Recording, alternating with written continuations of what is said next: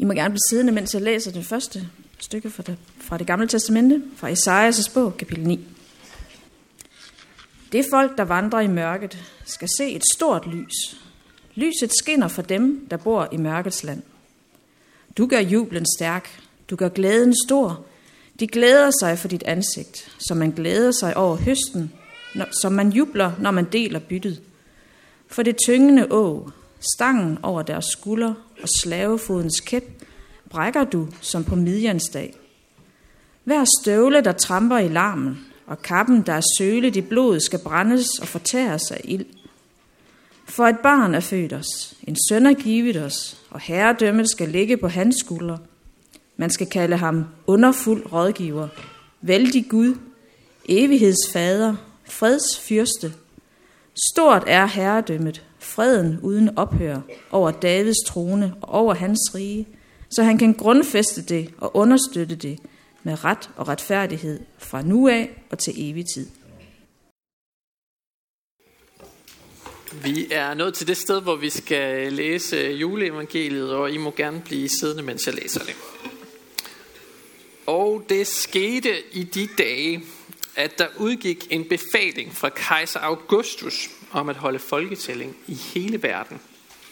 Det var den første folketælling, mens Quirinius var stadholder i Syrien.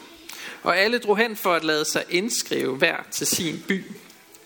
Også Josef drog op fra byen Nazareth i Galilea til Judæa, til Davids by, som hedder Bethlehem. Fordi han var af Davids hus og slægt for at lade sig indskrive sammen med Maria, sin forlovede, som ventede et barn. Og mens de var der, så kom tiden, da hun skulle føde, og hun fødte sin søn, den første fødte, og svøbte ham og lagde ham i en krybbe, for der var ikke plads til dem i herberget. I den samme egen var der hyrder, som lå ude på marken og holdt nattevagt over deres jord.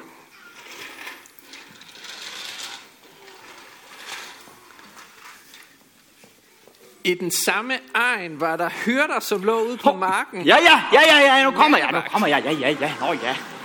Ja, ja. Jamen, ja, nu skal jeg være der. Det var en mega kold arbejdsdag. Eller, eller sådan en helt almindelig arbejdsdag, der ved var overstået. Og, og vi sad der ved, ved bålet og varmede os. Og det var en stjerneklar nat.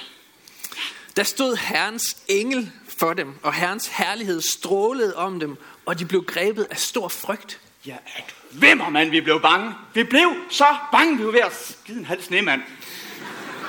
Kan godt sige, der var, der var ingenting. Og så lige pludselig, så var der bare sådan en, en engel der. Jeg har aldrig set sådan en engel før. I var også blevet bange, det kan jeg godt sige. Og også jer der, og vi var også blevet bange. Men englen sagde til jer, frygt ikke. Se, jeg forkynder jer en stor glæde, som skal være for hele folket. I dag er der født jer en frelser i Davids by. Han er Kristus Herren. Og dette er tegnet, I får. I skal finde et barn, som er svøbt og ligger ja. i en krybbe. Men jeg kan sige, jeg har ikke nemt at finde. Nej, fordi vi skulle finde ham i en stald, og dem er der mange af. Og, og så, så, skulle vi gå til, så skulle vi gå til højre, og så, så kan vi til at gå til venstre, eller, eller omvendt.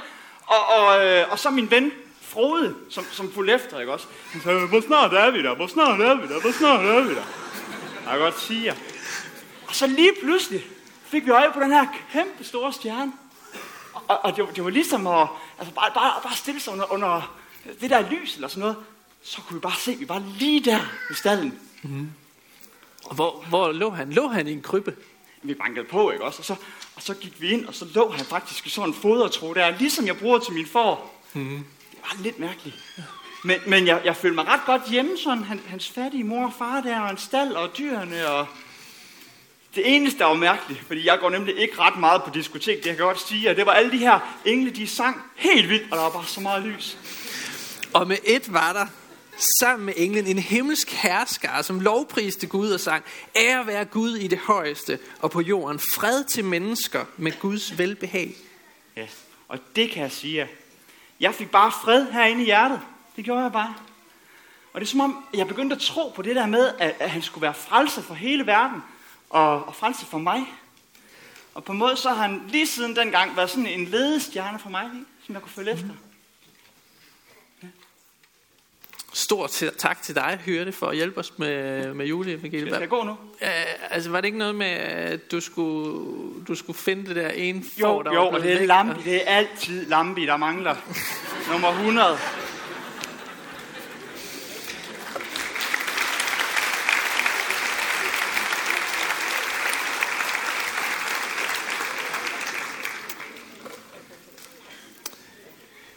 Jeg har taget sådan et, en julestjerne med i dag, som står heroppe på, øh, på alderet. Øhm, en, øh, en ledestjerne kunne vi godt kalde det, ligesom øh, vores ven Hyrden her kaldte det.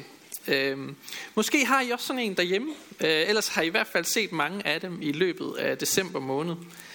Stjernen den er blevet et symbol på julen, men hvor kommer den her tradition egentlig fra?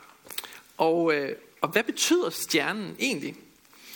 Bibelen den fortæller om en helt særlig stjerne, der ledte de vise mænd først til Jerusalem, og siden så gik den foran dem til Bethlehem, hvor de fandt Jesus barnet. Så må ikke også hyrderne på markerne lige uden for Bethlehem havde set den her stjerne. Det tror jeg i hvert fald, de havde. Der er flere teorier om, hvad julestjernen er for en størrelse. Der er nogen, der mener, at det simpelthen bare er et mirakel, eller bare bare. Det er en overnaturlig begivenhed. Andre, de forklarer den her stjerne, at det er en helt naturlig himmelfænomen, der skete på den her tid. En bestemt sådan planetkonstellation, fordi planeter, de kan faktisk bevæge sig på himlen, som har vist sig og vist vejen til Jesus. Men uanset om det er det ene eller det andet, så er det vigtigste, at det her, det er altså ikke en, et eventyr. Det er en virkelig sandfærdig beretning om, hvad der skete, sådan historisk rigtigt. Julestjernen, den rummer flere betydninger. For det første, så er den en, en vejviser. Den er en ledestjerne. Ligesom øh, Nordstjernen, den er anderledes end alle andre stjerner, fordi Nordstjernen, den ligger lige på jordens akse, der hvor jorden drejer rundt, så alle andre stjerner, de bevæger sig også sådan rundt på, på stjernehimlen, bortset fra Nordstjernen. Så hvis man ved, hvor Nordstjernen er, så kan man altid finde Nord. På samme måde er øh, julestjernen en ledestjerne, et symbol, der viser os hen til Jesus. For det andet, så er det, og det er måske fordi symbol og det symboliserede nogle gange, det smelter lidt sammen. Så kan man også sige, at Jesus, eller at stjernen faktisk er et symbol på Jesus selv. Hans liv, hans død, hans opstandelse. Og for det tredje, så er stjernen et symbol på det lys. Det lys, som øh, Guds ord, altså den her bog, Bibelen, tænder i vores øh, mørke. Så vi ikke går sådan i blinde vi, vi leder ikke sådan rundt i blinde i den her verden, men vi har et lys i Guds ord, der viser os vejen. Vi synger faktisk en kendt julesalme, der lyder sådan her, som, som, som siger lige præcis det her. Denne stjerne, lys og mild, som kan aldrig lede vild, er hans guddoms ord det klare, som han også lod åbenbare, til at lyse for vores fod. Derfor så har julestjernen så central en plads hos os. I julen, der står stjernen højt op over træet, ligesom den stod højt over stallen, hvor Jesus han blev født. Jeg tror alle sammen, vi har hørt sådan om øhm, popstjerner, eller øh, nogle store sportsstjerner. Måske er der også nogen, der har hørt om en stjernereporter, så en, der er virkelig god til det, han gør. Men det bedste, man kan være, det er en verdensstjerne. En, som er kendt i hele verden. Sådan en møder vi i dagens tekst i dag. Sådan en verdensstjerne. Og måske tænker du så, ah, det, øh, det må være Jesus, han tænker på. Men nej, det er det faktisk ikke. Fordi Jesus, han var ikke særlig kendt på det her tidspunkt. Det er en anden af dem, vi hører om i juleevangeliet. Det er kejser Augustus. Han var nemlig mega kendt. Han var en verdensstjerne. Jeg har taget et billede med af ham, så I lige kan se, der er nogen, der har lavet sådan en statue af ham. Så er det lige lidt nemmere at øh, forestille sig, hvordan kejser Augustus han så ud. Han havde lavet det største imperium i i verden, altså det største kongerige, der nogensinde har eksisteret. Han var den højeste, den mægtigste og vigtigste person på den her tid i hele verden. Han var så mægtig, at man faktisk gjorde noget, som man ikke måtte.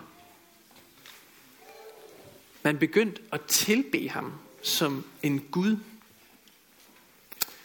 Man byggede templer til hans ære. Man bad faktisk til ham. Så han var virkelig sådan en giga, mega verdensstjerne. En slags idol. Og det var faktisk ikke så godt. Det var kammet lidt over. Og det er ikke tilfældigt, at Lukas i juleevangeliet stiller ham her, kejser Augustus, over for Jesus. De to, de bliver stillet over for hinanden. Kejseren, han kunne uh, lave en folketælling. Han kunne inddrive nogle skatter. Han kunne også bygge nogle fine templer og sådan noget. Men Jesus, han er noget andet, og han er noget mere. Han er verdens frelser, og han er vores herre. Og det er faktisk ikke kejseren, vi skal give ære. For englene de sang, ære være Gud i det højeste og på jorden. Der er altså en, der står over kejseren. Hans navn er Jesus. Han er vigtigere end ham.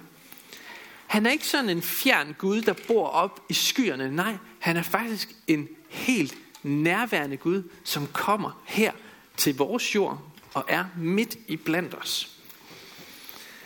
Og i dag, der ved vi, at Jesus han endte faktisk med at være den største verdensstjerne i historien. Hans navn er faktisk langt mere kendt, end kejser Augustus er i dag. Ja, det er faktisk kun på grund af juleevangeliet, at vi kender kejser Augustus sådan rigtigt. For denne her verdens mægtige, de var ikke ved. Men Jesus, han er herre for evigt. Og så er der samtidig noget meget mærkeligt og særligt ved juleevangeliet. For englen kom ikke og forkyndt et godt budskab til ham her, kejser Augustus. Han kom heller ikke til kong Herodes, som var konge her i Jerusalem, for at forkynde det glædelige budskab. Nej, englen kom til en flok hyrder, som ham vi lige har mødt før. Ude på markerne, uden for Bethlehem. En, som ingen rigtig lagde mærke til. En af de ringest stillede. Han kom til de ubetydeligste. Han kom til de laveste. Vi møder altså i juleevangeliet ham, der er højere, end, end vi overhovedet kan forestille sig. Han er mægtigere, end vi overhovedet kan forestille sig. Og han kommer til dem, som er allerlavest. Dem, som ikke har nogen betydning. Dem, som ikke har noget at skulle have sagt. Og det betyder, at han også er kommet til os. Os, som ikke er særlig kendt. Os, som ikke er sådan gode til noget særligt. Os, som ikke øh, har vundet den store bagedyst eller x-faktor. Os, som ikke er særlig gode til at spille fodbold. Jesus kom faktisk til os. Og han er kommet for at være din ledestjerne. Og det er faktisk vildere end det. Han kom nemlig ikke som sådan en konge, der kommer og siger, nu skal du lige øh, høre, hvad jeg, jeg vil gerne vil have, du skal gøre. Nej, han kom på en helt anden måde. Prøv at tage det næste billede, Preben. Han kom til en stald. Han blev lagt i en krybbe. Han var ikke noget, der lignede en konge. Det kunne ikke stå i større modsætning til den verden, han kom fra, eller de verdensstjerner, som man kendte dengang, eller som vi kender i dag. Han var noget helt, helt andet. Og den her dreng, han voksede op, og så levede han faktisk et ret normalt liv. Lidt ligesom dig og mig. Han gik i skole. Han var i lære som tømmer. Han øh, overtog måske sin fars biks i Nazareth. Men i dag så skete der noget. så trådte han frem, og han begyndte at forkynde. Han forkyndte et budskab. Et budskab om glæde. Et budskab om håb. Et budskab om frelse. Og det her budskab, det spredte sig. Altså, i dag tror jeg, vi vil sige, at det gik viralt. Det spredte sig simpelthen i hele verden. Og den her fuldstændig ukendte og lidt, altså en, en helt almindelig dreng, han blev den største stjerne, verden nogensinde har set. Vi, vi tæller vores dato efter den dag, han blev født. Der er ikke nogen mennesker, der har haft større indflydelse på, på verden og på, hvordan vi tænker verden i dag, end han har. Han er virkelig en ledestjerne. Og i dag, der er der millioner af mennesker, som ikke vil tøve et sekund med at sige, at han er deres ledestjerne. Som på alle måder viser vejen til troen, til glæden, til håbet og til livet. Og en ledestjerne, det er altså ikke sådan en, man følger efter en dag om året. Nej, det er en, som får lov til at definere retningen af ens liv hver dag. Og derfor skal min opfordring i dag være, at han må være din, og at han må være min ledestjerne. Og at hans ord må vise os alle sammen vejen frem, også når vi ikke selv kan se den. Må han være vores ledestjerne. Lad os bede sammen. Jesus, vi takker dig, fordi du tænder troens lys i vores hjerter. Tænd også glædens og håbets og livets lys i os. Vi takker dig for det her fællesskab omkring gudstjenesten. Tak fordi vi kan mødes i frihed og tilbe dig. Vi beder dig for menighedens børn, både de fødte og de ufødte. Beskyt du dem og lad dem få lov til at vokse op i troen på dig. Vi beder dig for ægteskaber, kærester, dem der lever alene. Giv os alle din kraft til at leve efter din vilje. Vi beder dig for Skærn by, vi beder dig for omegnen omkring, at du, Jesus, må blive kendt, troet, elsket og efterfulgt. Vi beder dig om, at du vil være nær hos alle, der er ramt af sorg og sygdom og lidelse. Giv os mod til at være til stede og visdom til at lindre smerten hos hinanden. Hør os, når vi i stillhed hver især beder for en, vi kender.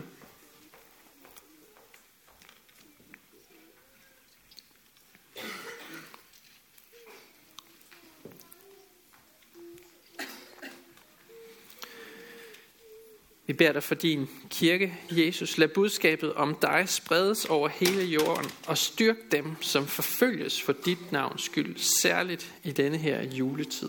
Og kom så snart og gør alting nyt. Amen.